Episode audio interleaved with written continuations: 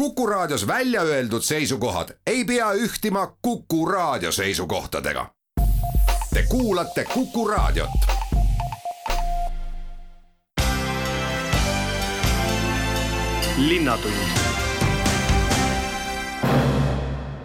tere, tänane saade räägib rahvusvahelisest rattakuust ja ülikoolilinna rattaringlusest ning suvisest bussiliiklusest siis võtame kõneks Maarja kiriku taastamise, kuivõrd teisipäeval sai torn üles tõstetud. pärast seda juhatame teid aga avatavasse Tähtvere liikluslinnakusse ning laste suvelaagritesse Eesti Rahva Muuseumisse ja lõpetame esimese Kasteni tänava festivaliga, mis tuleb eeloleval nädalavahetusel saade seisab koos üheksast intervjuust, need on teinud Madis Ligi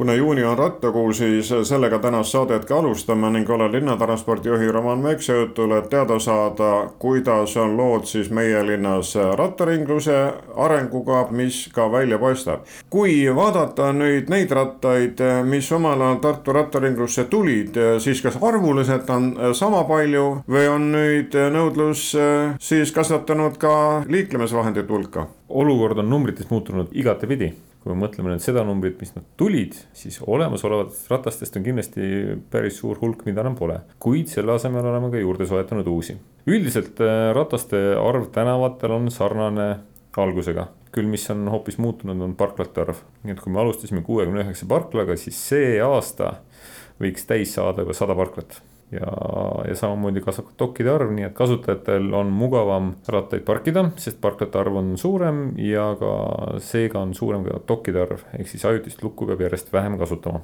et kui paljud kurdavad, et on tarneraskused, siis rattaid te ikkagi saate, nii et eh, kui on parklid tulnud juurde, siis on vaja ka ju neid rattaid enam. Ega see saamine lihtne ei ole, üks asi, et rattal on hind, teine asi, et see tarne ookeani tagant on ka keeruline, see võtab aega aga ühe portsu juba saime, teine ports peaks ka tulema selle suve jooksul, üle saja ratta peaks veel juurde tulema, uusi veel sel aastal. varuosadega on keerulisem, on mitmeid varuosi, mida ka tootja ütleb, et võib minna kuni poolteist aastat, nagu näiteks esiark kui vaadata ka nüüd siin Emajõe kallastel ja lähiümbruses rattakasutust, kas endiselt on kõige populaarsemad need kesklinnas olevad parklad? siin on nende rattakäive kõige suurem jaa, vaieldamatult, siin ei ole küsimustki, Uue Turu parkla on kõige populaarsem. vaatamata sellele on näha, et äh, rattaringlus on aktiivne kõikjal, ei saa välja tuua tänaseks mingisugust väga, kuidas ma siis ütlen, kasutut parklat. on vähesema kasutusega parklaid, kuid äh, ühtegi sellist parklat, kus on kasutus nii väike, et me peaksime sealt parkla ära võtma, sellist asja ei ole. suurt positiivset tooni annab see, et me oleme liikunud linnast välja Tartu vallas oleme juba pikka aega, Luunja vallas samamoodi, see aasta liitub meiega Kambja vald. See näitab, et on nõudlus, tahavad nii tartlased sinna vändata kui ka sealsed inimesed tulla linna.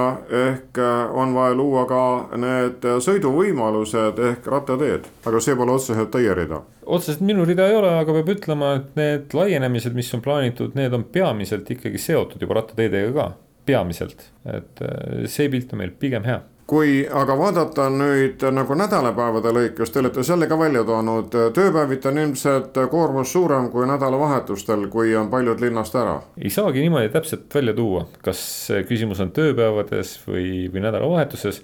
ennekõike rattaringluse jaoks on küsimus ilmas, kui ilm on ilus siis kasutus on hüppeliselt suur ja on muutunud nüüd kooli lõpuga seoses kasut-, kasutamise ajaprofiil, ehk siis kui ennem oli tõesti tööpäeva, koolipäeva algus ja lõpp, siis nüüd on päeva lõikes, kui ilm on väga ilus, sõidetakse kogu aeg, ööpäeva lõikes on ühtlane ütleme siis nii. kuid äh, räägime pessimistlikest nootidest ka, need, kellele rattaringlus väga ei meeldi, olgu, et ratturid on tee peal või kui palju see võtab vahendeid, ütlevad, et seda rattaringlust on liiga kallis pidada. kas te olete ses osas ekspluatatsiooniga jäänud kulunumbritega planeeritusse või on aeg neid kasvatanud? me oleme endiselt kulunumbritega plaanides sees, nii nagu tegelikult enne käivitamist oli see planeeritud siis me oleme ühe aastaga väikses miinuses, teise aastaga väikses plussis. aga põhimõtteliselt oleme kulunumbrites sees tegevuskulude näol. eks ta ole kulukas teenus, aga olgem ausad, äh, sellest teenusest enam tartlane ei taha loobuda. tartlane on selle teenuse väga hästi vastu võtnud ja praegu me oleme olukorras, kus meil ei ole pääsu, me peame seda süsteemi arendama, veel paremaks tegema, veel mugavamaks, rattad kvaliteetsemaks ja kõik, kõik sellised asjad no mitte üksnes tartlased pole selle hästi vastu võtnud, vaid ka lähiümbruse vallad ja teie käest on käinud ju kogemust korjamas mitmed omavalitsuste inimesed, kellele see variant on meeltmööda ning kui tavaliselt, kui näiteks hiljuti käisid siin Tallinna linnavalitsuse töötajad, siis istutati nad raudteejaamast kohe ratta selga. osa küll pelgas vihmast ilma, kuid teised ikkagi tulid Raekoja juurde ratastega, mis näitab, et võeti kutse tänuga vastu. ikka jah, meil on tegelikult päris mitmed linnad Tallinn, Viljandi, praegu kohe linnad ei tule meelde, Hiiumaa näiteks küsinud ja, ja, ja välismaalt on ka uuritud, kuidas üks ja teine on. Aga jaa, selle vastu huvi on, peamine meie eelis on just nimelt see, et tartlased on ka vastu võtnud selle süsteemi hästi, et et võib ka ju luua süsteemi, mis on tehtud, aga, aga seda ei kasutata väga intensiivselt. selles valguses on äh, esialgsed otsused, mis on tehtud, milli-, milline on see hinnastamine ja milline on parklate paigutus ja ka rataste olemus, et need elektrilised rattad on. see on andnud suure võidu, et investeering on tehtud ja investeeringut kasutatakse, mitte ei ole suur raha alla pandud ja need rattad ilutsevad lihtsalt tänaval ja keegi ei sõida. et selles valguses on ikkagi väga hea, et süsteem on vastu võetud, kilomeetrid on äh, eeskujulikud mida on läbitud ja saab ju öelda, et inimesed on hakanud rohkem liikuma. kui pikki otsi tavaliselt äh, Tartu rattaringluse ratastega tehakse? kui ma ei eksi, siis keskmine oli kaheksasada kuni üks koma kaks äh, kilomeetrit, kaheksasada meetrit kuni üks koma kaks mälu järgi oli see, aga tehakse ka pikemaid. peab ütlema, et mis me oleme märganud, äh, on tehtud teeotsi ka Tammsallu see on selline ekstravagantsem juhus, aga sellegipoolest inimene on jäänud viie tunni piiresse, on võtnud ratta ja läinud rongiga Tammsallu, koha peal küla vahel sõitnud ju, siis tal on see mugav olnud. ja enne viie tunni täis tiksumist Tartusse tagasi jõudnud, nii et jah. Teedega paigad kõik, miks mitte, kõlbub ka Tartu rattaga Tammsalu sõita kuid nagu öeldud, et nüüd siis äh, laienete, kas on veel plaanis, kui selle aasta kavasid vaadata, et Tartu rattaringlus läheb Tartust kaugemale jõuab noh, näiteks sinna või tänna? Praeguses plaanis rohkem laieneda hetkel pole. praegu on jutt Kambja vallast kolme parklaga, kes tulevad siis Ülenurme, Tõrvandi ja Külitse. ise paneme parkla Haagele, linnas mõned parklad, mis muutub siis füüsiliseks parklaks ja, ja teeme mõne virtuaalala juurde. ja kohe-kohe on valmimas ka Vahi tööstuspargis parkla kuid kui Ülenurmele jõuab Tartu rattaringlus, siis Kambja vald lisab ka oma veeringud sellesse katlasse ja loomulikult, esiteks nad äh, maksavad investeeringu kinni ja teiseks on neil iga parkla kohta püsikulu. ja praeguseks me oleme arvestanud, on poolteist tuhat eurot kuus parkla kohta. nii et iga parkla kohta tuhat viissada eurot kuus no lisaks nendele nii-öelda tavalistele ratastele te olete proovinud ka, kuidas siis öelda, natukene suuremaid äh, ehk et saad lapsed peale võtta või, või oma kompsud ja kotid sinna peale panna. kui selle suve peale vaadata, kas jätkata sama rida? Äh, me räägime siis kastiratastest, velorendist ja loomulikult äh, see projekt on tulnud selleks, et jääda, seda on hästi vastu võetud, me oleme juba saanud tagasisidet, et tänu sellele projektile on inimesed proovinud ja selle tulemusena ostnud endale ka sellise ratta. me oleme saanud tagasisidet ka sellist, et äh, soodsam on ju seda ratast rentida iga suvi, ilma et teda peaks ostma. et tagasisidet on erinevad, inimesed on proovinud, kasutavad seda nii laste jaoks kui ka mõni kasutab kolimiseks mis iganes, selleks on rattad olemas ja, ja neid saab rentida. kui kaua peab üks Tartu rattaringluse ratas vastu pidama, millal ta võib nii-öelda välja vahetada? see on väga hea küsimus. eks me peame defineerima, mis asi see siis ratas on. me oleme üldiselt vahetanud kõiki osi peale raami, suudame vahetada kõike muud peale raami. ja meil on rattaid, mis on sõitnud üle kahekümne tuhande kilomeetri. aga see on juba selline tuntav ressursi lõpp ja lõpuks, äh, Roman, äh, linnatranspordi rida ei ole mitte üksnes rattaringluse korraldamine, vaid ka bussiliiklus. no suviti on tavaliselt ülikoolilinnas ikkagi linnaliiklust õrendatud, sest õpilased, tudengid on linnast ära ja sel suvel küllap samamoodi. ja uuest nädalast, kolmeteistkümnendast läheme üle suvegraafikule, kus siis äh, kümneminutiline intervall läheb kahekümneminutiliseks ühel liinil veel muutub kahekümne pealt kolmekümne peale ja siis liin number viis, mis tegelikult teenindab lõviosas õpilasi, siis see ka ei sõida. see on eelmisele aastale väga sarnane, et muutus on sama. ja nii-öelda tagasivahetus on siis augusti lõpus? ja ikka, traditsiooniliselt.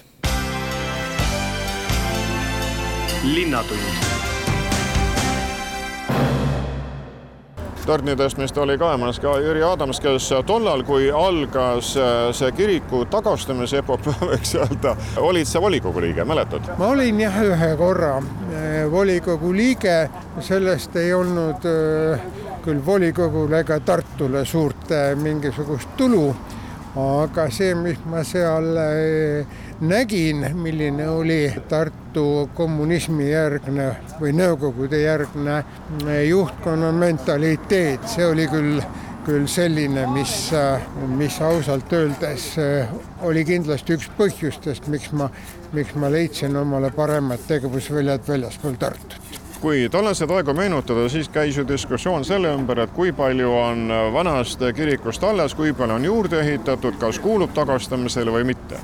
See on õige, see on tehniline vaidlus ja tehnilised vaidlused siin eh, ilmas tekivad alati siis, kui tegelikult tahetakse ei ütelda. Tol ajal eh, Tartu võimumehed, ma ei tea, mis põhjusel täpselt, võib-olla nad ei uskunud tulevikku või nad ei osanud teistmoodi, aga ütlesid ei ja tagantjärgi on nüüd selge, et see, see ütlus oli vale kuid äh, iseenesest äh, Tartu peal on huvitav jälgida seda, et kui ühe kiriku taastamine lahti läheb, antud juhul siis Maarja kiriku, võtame siia kõrvale näiteks Jaani kiriku, siis inimesed tulevad sellega kaasa. see näitab, äh, kui oluline koht on nende hinges ja meie kultuuris pühakodadel. jah, see on nii, aga Maarja kogudus juba nime järgi otsustades ei ole mitte tavaline mingisugune Eesti kogudus kui me oletame, et enne ristiusustamist olid tõenäoliselt meie linnade algetes olid juba mingisugused puukirikud olemas ja oli mingisugune arv kristlasi, siis eh, no Tartus on midagi leitud Jaani kiriku alt, mis viitab sellele. Maarja kiriku alt ei ole saadud kunagi kaevata, ma oletan, et ka seal oli ja et see oli tõenäoliselt esimene Eesti ristiusu kese, mis, millest arvatavasti tuli ka, tuli ka Maarjamaa nimi. ning see on ikkagi laulupeo kirik, meie kultuuriloos ka selle poolest tähtis? laulupeo kirik on ta ka, laulupeo kirik on ta ka, aga tal on kindlasti, ma arvan, ütleksin keskne roll sellest, et äh, eestlastest said äh, ristiusku rahvas. Jüri, kas sa oled täna siin selleks, et ajaloolisest sündmusest osa saada või oled ka Maarja koguduse liige? ma ei ole praegu õieti ühegi koguduse liige. ma olin mõned aastad olin Elvas, mul oli seal tuttav kirikuõpetaja ja põhimõtteliselt, põhimõtteliselt ma no hingelt olen Maarja kogudusega kaasas, aga ega ma koguduse liikmete nimekirjas ei ole kirikunõukogu liige Toomas Savi on ka loomulikult kohal ja sina oled uurinud ka seda tornide taastamist. see praegune on siis kolmas tulemine? ja torni kolmas tulemine jah, sest et esimene, esimene torn, mida hakati ehitama tuhande kaheksasaja kolmekümne viiendal aastal, see kukkus kokku kaks aastat hiljem, kui ta oli juba nii kõrge, et peaaegu Tartu linnas igale poole oli ta näha, sest et majasid oli siis vähem ja kokkukukkumise põhjus oli see, et ta oli maakividest ehitatud, mis olid suhteliselt ümarad ja mört oli ka tõenäoliselt kehva, nii et esimene üritus läks aia taha. siis alustati teist ehitamist, aga mitte enam põllu- ja maakividest, vaid juba põletatud tellistest. ja siis sai see kirik valmis äh, tuhat kaheksasada nelikümmend üks täiega ja neljakümne, tuhat kaheksasada nelikümmend kaks püüdseti. nii et see oli siis teine tulemine ja nüüd kui sellest äh, kiriku varemetest sai EPA võimla kunagi aastatel tuhat üheksasada viiskümmend ja peale, siis EPA tudengid ja ka õppejõud ühiskondliku töö korras lammutasid selle äh, mürsutabamusest alles jäänud kaks korrust torni ära ja siia tuligi EPA võimla, mis valmis siis tuhande üheksasaja kuuekümne esimese aasta sügisel.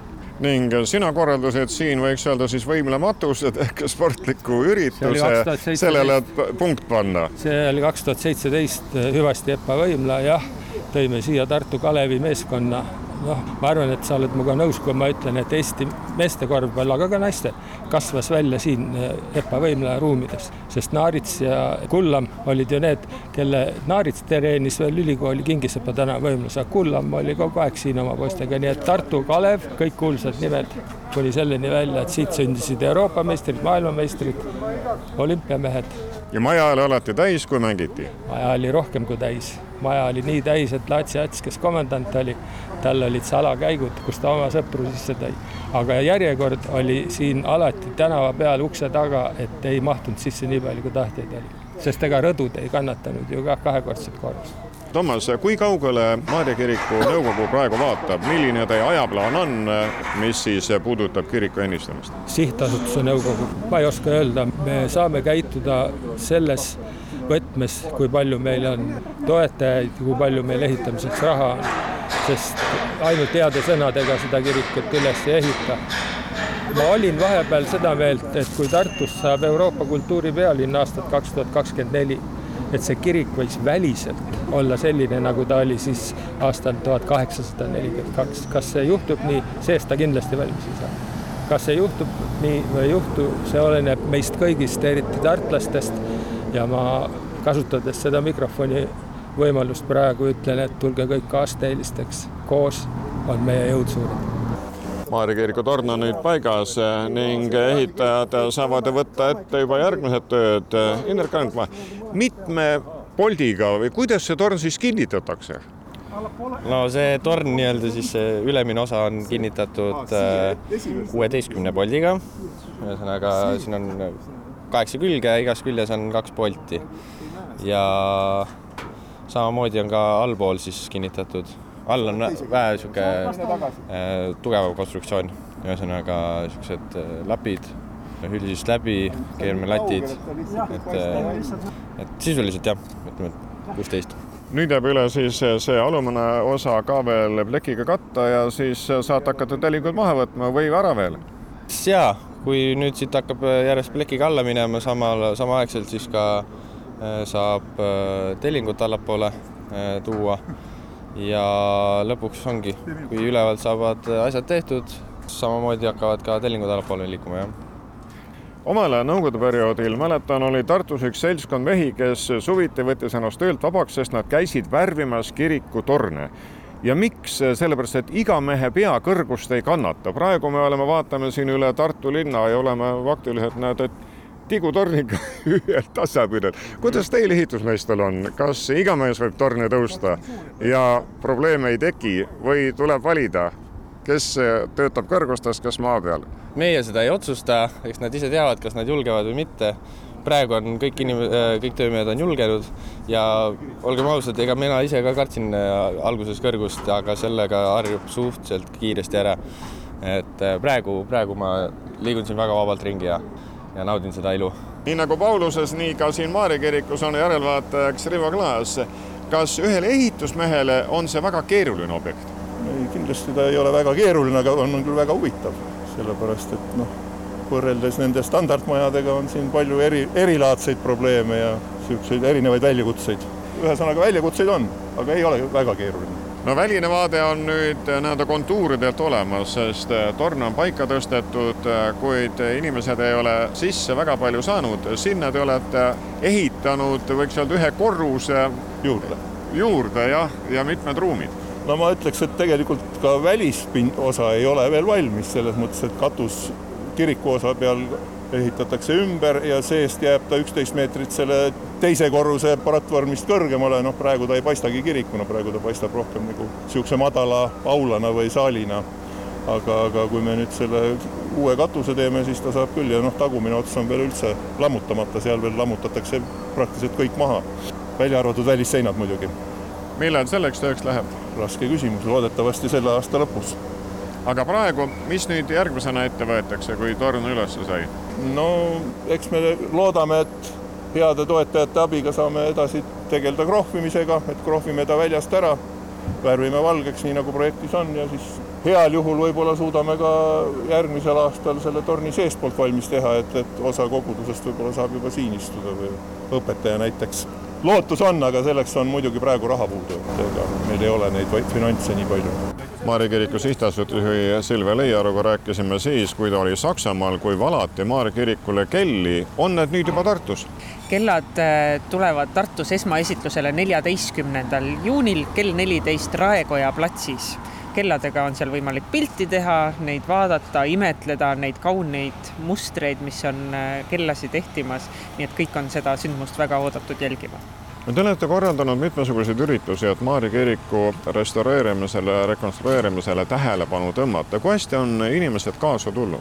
väga hästi tulevad inimesed kaasa ja, ja tõesti, vahel me isegi mõtleme, et kuidas see nii on läinud, et kõik elavad nii väga kaasa ja, ja soovivad meile ainult head ja, ja tegelikult mida aasta edasi, seda rohkem me saame neid häid soove ja seda vähemaks jääb neid inimesi, kes ütlevad, et ah, see nagunii teil kunagi valmis ei saa et, et eks me oleme leidnud tee inimeste südametesse. inimesed uudistasid täna seda torni tõstmist, praegu siin äh, telekolleegid lennutavad veel droone. no vaevalt, et nüüd äh, hakata rahvale pakkuma seda teenust, et tõusta tõstukega ülesse, kus ma nüüd ehitajatega käisin seal üleval tipus ja nautida Tartu vaadet, see oleks äh, natuke ehitamist segav lõbu noh, eks me oleme seda üksikutel kordadel tegelikult teinud, kui nüüd päris aus olla, aga jah, sellest loomulikult sellist avalikku atraktsiooni ei saa teha, et, et ehitajal on ikkagi oma töö teha. aga Maarja kiriku torni saab ka seestpoolt minna ja meie trepid on täiesti paigas. ehitaja on meil kenasti kindlustanud seal piirdedki ehitanud valmis just tänase päeva auks. nii et äh, sellist tornikülastust saab tegelikult ikkagi teha ja kui keegi seda soovib, siis võib minuga ühendust võtta ja tuleme, lähme kiriku peale ja, ja vaatame sealt, kui kaunis on Tartu linn. kes tahab Maarja kiriku kelladega nautida, see olgu neljateistkümnendal juunil Raekoja platsis. Jah, kell neliteist, seal võtame kellad vastu, tervitame neid kodulinna saabumise puhul ja, ja siis juba sealt edasi on see, kui kellad tulevad päris kodukirikusse ja ootavad paigaldamist, et millal nad nüüd täpselt paika saavad. noh, jällegi nagu tänagi ehituslik protsess, see kellaajad ja kuupäevad, need noh, varieeruvad, aga ma usun, et see on lähinädalate jooksul juhtumas linnatund. Tartu spordimüügi ja teenindusjuht laululaval ja Tähtvere puhkepargis Sauli Solo ütleb nüüd kohe ära, mis saab homseks Tähtveres valmis.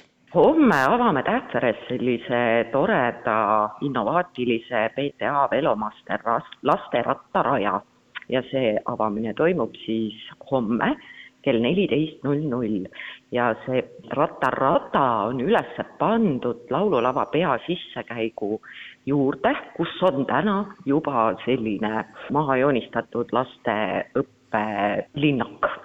Nii et uus võimalus siis väikestele tartlastele oma oskusi lihvida, neid saada, teadmisi täiendada absoluutselt, et tegelikult on, eh, see ei ole nüüd väikestele lastele ainult, et eh, see on tõesti eh, eakohane kõikides, kõikides erinevates vanustes lastele ja see on selline innovaatiline õpperada, mis siis tutvustab erinevaid selliseid levinumaid takistusi, millega liikluses siis lapsed sageli kokku puutuvad. et, et nad saavad harjutada seal siis jalgrattaga sõites näiteks erinevatest takistustest, mis on tegelikult täiesti reaalsed liiklusolukordades olevad, olevad olukorrad, eks ju, et et kas või see, et kuidas tänavakivist äh, üle sõita ja, ja kuidas näiteks manöövreid sooritada ühe käega, et äh, et see on selline turvaline keskkond nende, nende harjutuste tegemiseks. just nagu tänaval, aga mitte tänaval, vaid äh, siis laululava juures? täpselt nii, et turvalises kohas kuna ta on avatud maastikul, siis on ta lahti kogu aeg? absoluutselt, kui ei ole laululaval mingit suuremat üritust, äh, kus peab väravad ette panema, siis on ta alati avatud, nii et, äh, et kõik võivad tulla sinna sõitma, proovima, peredega koos harjutama ja tõesti selliseid kohti väga palju väga palju linnas ei ole, et kogu aeg ongi liikluses kõik see õppimine, aga, aga selle projekti eesmärk on tõesti just see, et oleks turvalises keskkonnas võimalik harjutada kas see on spetsiaalselt Tartu jaoks projekteeritud või olete kusagilt eeskuju saanud äh, ning äh, selle liikluslinnaku väljaku muretsenud? Äh, tegelikult on nii, et see, see linnak on kingitus Tartu linnale, et seda veavad eest BTA Baltic kindlustusfirma kes äh, on siis koostöös Viivull Parksiga ehk siis üks Läti ettevõte, kes siis tegelikult parke ehitabki ja, ja BTA on siis võtnud vaevaks äh, seda kõike finantseerida. nii et see on tegelikult äh, kokkuvõttes kingitus Tartu linnale, et teine selline Eestis paigaldati just Tallinnasse, oli eelmisel nädalal avamine, kui ma ei eksi. Eestisse nad plaanivad veel mingisuguseid äh, linnakuid äh, teistesse suurematesse linnadesse ka. et Lätis on neid juba, juba tänase seisuga päris, päris mitu. nii et plaanis on circa kümme, kümme erinevat õpperada veel valmis teha no alles siin paar nädalat tagasi rääkisime Linnatunnis ka sellest, et kui nüüd vaadata natukene laiemalt äh, seda, mida Tartu sport äh, teeb ja toimetab seal laululaval ja Tähtvere puhkepargis, siis jõulinnak on tulemas ja küllap äh, ka valmistute juba suvel-talveks, et Tähtvere Dendropargis saaks hoolega suusatada, diskgolfi mängida või mida iganes veel ikka loomulikult discgolfirajad on, on, on juba hoolduses, nii et peagi, peagi peaksid kõik, kõik kenasti valmis olema, suusaradade ootuses oleme, loomulikult tuleks ainult taevast head lund, aga jõulinnaku esimene etapp tõesti loodetavasti sellel aastal valmib ja ja teine suurem projekt, mis meil praegu kohe-kohe Äh, loodame ehitushankesse läheb, on siis skatepargi äh, nii-öelda renoveerimine algab ja esimese osana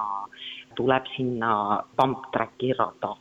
nojah, et see skatepark äh, praegu jääb veel selline, nagu ta on, ütleme just need obstaaklid, mis seal on, aga sinna kõrvale, kus on täna muruplats, vot sinna tuleb siis pump track'i rada. nii et see on siis selle skatepargi esimene, esimene ehitus linnatund. Kätte hakkab jõudma laste suvelaagrite aeg ning mida pakub Eesti Rahva Muuseum, seda saame teada juba hariduskeskuse juhi Kaari Siimeri käest. mis eas lastele teie laagrit teete? meie laagreid sel aastal suvel on suisa kolmes vahetuses peame laagrit sellepärast, et meie laagrid on alati sellised teotahtelised ja rõõmsa, rõõmsamatele lastele Eh, laagri nimetus kannab eh, pealkirja Kirevad värvid, põnevad lood ja toredad teod. Ning eh, laagrisse saab tulla suisa kolmeks päevaks korraga ja üks laagrivahetus toimub järgmisel nädalal juba juunis, teine juulis ja kolmas augustis. aga mida meie juures teha saab nendel kolmel päeval, et me olemegi mõelnud, et sel aastal on meil see laager kirem nagu Kört-Pärti särk, nagu vanarahvas ütles et eh, iga laagripäev on erinevat nägu ja eh, esimesel päeval keskendume me sellisele põnevale teemale nagu arheoloogia, et eh, oleme ise natukene arheoloogid, saame teada, mis ammustel aegadel toimus ja tegelikult tutvume ka muinasaegse Tartuga ühe huvitava õuemängu abil.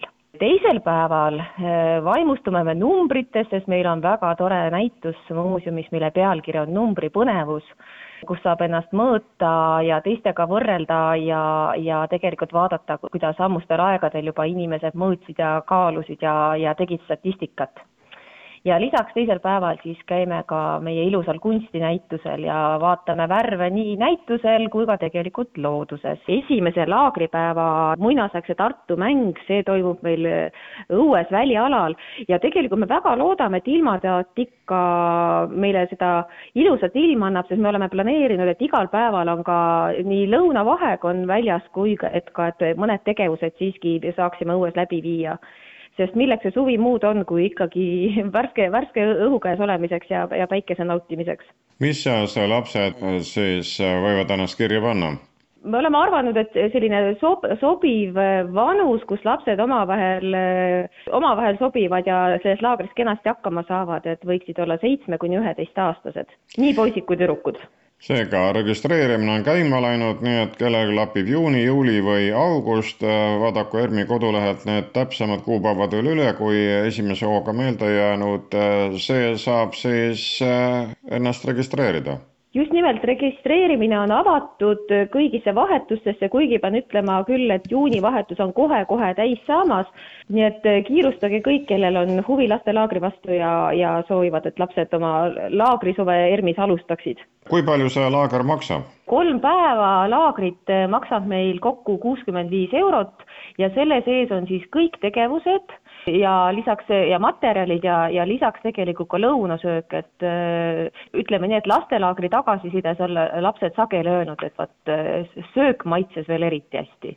Aga te olete ka varasematel suvedel ju selliseid laagreid korraldanud, järelikult on see võimalus oodatud ning grupid tulevad täis ja, ja tegelikult, mis ongi tore, et meie need lapsed, kes on meie laagrites käinud, tulevad ka järgmistesse laagritesse, et me kohtume samade lastega nii enda suve kui kevad, sügis ja talvelaagrites ja, ja tegelikult on näha, et ka jälle on nii mõnedki tuttavad nimed juba nimekirjas mõni nädal tagasi rääkisime siinsamas Linnatunnis sellest, et Eesti Rahva Muuseum korraldab ka Ukraina sõjapõgenikele selliseid äh, teabe jagamisi. kas olete nüüd äh, väikestele ukrainlastele ka mõelnud, teete nendele ka laagrid? jaa, et tegelikult meil on äh, ka, ka Ukraina lastele kuulutame välja kohe-kohe lastelaagri, neid on siis kaks vahetust juunis ja juulis ja, ja kahepäevased laagrid ja mis on tore, on see, et kuna meil on, meie juures on eh, giiditööd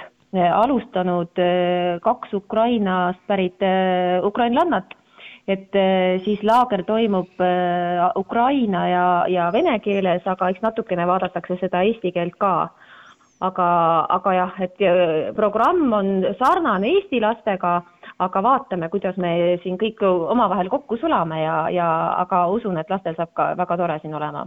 kuna paljudel klassidel on praegu viimased koolipäevad käsil ja ka ekskursioonid äh, toimuvad, kas äh, need teed toovad ka ERM-i? jaa, tuleb tunnistada, et viimased nädalad on olnud väga-väga tihedad ja tegelikult ütle, olgem ausad, sellest on meil ainult hea, hea meel et äh, ka, ka tänasel päeval, et äh, klassiekskursioonid tulevad meie juurde ja mitte ainult Tartust, vaid, vaid üle kogu Eesti ja, ja sageli kohe mitmete bussidega. aga järgmisel nädalal on ka juba, juba koolivaheaeg, nii et äh, siis ongi aeg teistele tegevustele keskenduda. linnatund linnatund läheb edasi ühe esimesega, nimelt esmakordselt toimub sel nädalavahetusel siis Kasteni tänava festival ja mida ta endast kujutab, kus ta täpselt toimub, keda oodatakse ja kes mida pakub, seda küsin juba projektijuht Karmen Otu käest. nii et eh, see on uus ettevõtmine teil ta on uus ettevõtmine, aga ta on tegelikult välja kasvanud meie eelmistest ettevõtmistest, et me oleme aparaaditehases varasemalt korraldanud äh, Tartu tänavatoidufestivali ja aparaaditehase tänavaturgu, mis on ka mõlemad Kasteni tänaval aparaaditehase ees toimunud sündmused. seekord me tahtsime anda sellele natukene uue hingamise ja nii sündis Kasteni tänavafestival, kus me paneme rõhku just sellele tänava eesliitele, nii et see on selline tänavatoidu, tänavamuusika, tänavakunsti, tänavaspordifestival, linnaruumifestival see näitab seda, et senised üritused on pälvinud rahva poolehoiu ning kaasalööjatel, organiseerijatel on lusti ja tahtmist rohkem rahvale midagi pakkuda. Jaa, need on äh, seni olnud hästi populaarsed üritused, küll nüüd viimased kaks aastat äh, me ei ole koroonapandeemia tõttu neid selles mahus saanud korraldada ja eks see hingetõmbeaeg andis nagu aega kuidagi mõelda, et tahaks natukene uutmoodi, natuke värskemalt teha, nii et endal oleks põnev, külastajatel oleks põnev, et ei oleks lihtsalt äh, nii-öelda sama ürituse kordamine. mis ajaks tuleks siis äh, laupäeval kohal olla ja kaua teie festival kestab? Kasteni tänava festival toimub üheteistkümnendal ja kaheteistkümnendal juunil, äh, mõlemal päeval on algus kell kaksteist laupäeval läheb programm välja kuni kella üheksani õhtul ja pühapäeval lõpetame kell viis. ja terve selle aja on siis aparaaditehase esine jupp Kastani tänavast autoliiklusele suletud ja sinna saavad end sisse erinevad tänavatoitlustajad, tänavakunstnikud, tänavatantsijad, seal saab mängida lauatennist, mängida hiidkabet tänaval ja ennast muidu maru mõnusalt tunda. Kas ajate läbi oma jõududega ehk siis nendega, kes on oma pesa teinud sinna aparaaditehase hoovi ja nendesse ruumidesse või olete kaasanud ka teisi? me oleme kaasanud ka teisi, meil on seal aparaaditehase ümbruses väga palju toredaid naabreid, nii et äh, festivaliala tegelikult hõlmab isegi sellist aparaaditehase kvartalit, võiks niimoodi öelda, et seda piirkonda, mis jääb Kastani tänava ja Filosoofi tänava vahele. Et aparaaditehase juures tasub kindlasti seada sammud ka trüki- ja paberikunsti Tüpa hoovi, kus kõrval tegutseb kunstirühmituse Ajuokse suvine stuudioruum Avangaar ja sealt saab mööda spetsiaalselt festivali ajaks tehtud sellist salateed äh, läbi hoovide ja üle aedade minna külastama plantaariumi taimehoovi, kus äh, toimub ka tore taimevahetus ja muusikaline programm. kui linnaosade päevad on Tartus juba päris pika traditsiooniga, siis selle Kastene tänava festivaliga lüüakse uks lahti nii-öelda uuele reale. miks mitte, kui on tahtmist ja tegijaid ja publiku huvi, siis korraldada selliseid tänavafestivale jaa, absoluutselt, me ise loodame ka, et kui seekord alustame selliselt üsna väikeselt jupilt Kastani tänavast, siis äh, Kastani tänav Tartus on ju väga pikk, üks ilusamaid tänavaid Tartus minu arvates, et hästi tore oleks tulevikus laieneda ühele ja teisele poole. Ja tegelikult ka sel korral avab Kastani kakskümmend viis majas uksed kohvikpood Mamush, mis tegelikult jääb tehasest üsna kaugele. Ja ma ei tea, äkki äh, võib loota, et võib-olla külastajatel, kes tulevad festivalile, kui nad jalutavad Piki Kastani tänavat, et äkki ootab mõni, mõni tore üllatus veel ees. Neid üllatusi saab siis kaeda ja tunda juba sel laupäeval ja pühapäeval Kastani tänava esimesel festivalil. just kallid kuulajad, selle tunni sees olid teiega linnatranspordi juhataja Roman Meksa, kellega rääkisin rahvusvahelise rattakuu puhul ülikoolilinna rattaringlusest, selle laiendamisest ja ka suvisest bussiliiklusest. Maarja kiriku torni tõstmisel olid mikrofoni juures tartlane endine volikogu liige Jüri Adams, Maarja kiriku sihtasutuse nõukogu liige Toomas Savi ehitaja Indrek Haldmaa Embach ehitusest, järelvaataja Riivo Klaas ning sihtasutuse juhataja Silvia Leiaru. Tähtvere liikluslinnakust rääkis Tartu spordi teenindusjuht laululaval ja Tähtvere puhkepargis Auli Solo, laste suvelaagritest Eesti Rahva Muuseumis sealse hariduskeskuse juht Kaari Siimer ning esimesest Kasteni tänava festivalist aparaaditehase projektijuht Karmen Otu. Neid usutles Madis Ligi aitäh kuulamast, olge terved ja nautige Tartut ja tema võimalusi. linnatund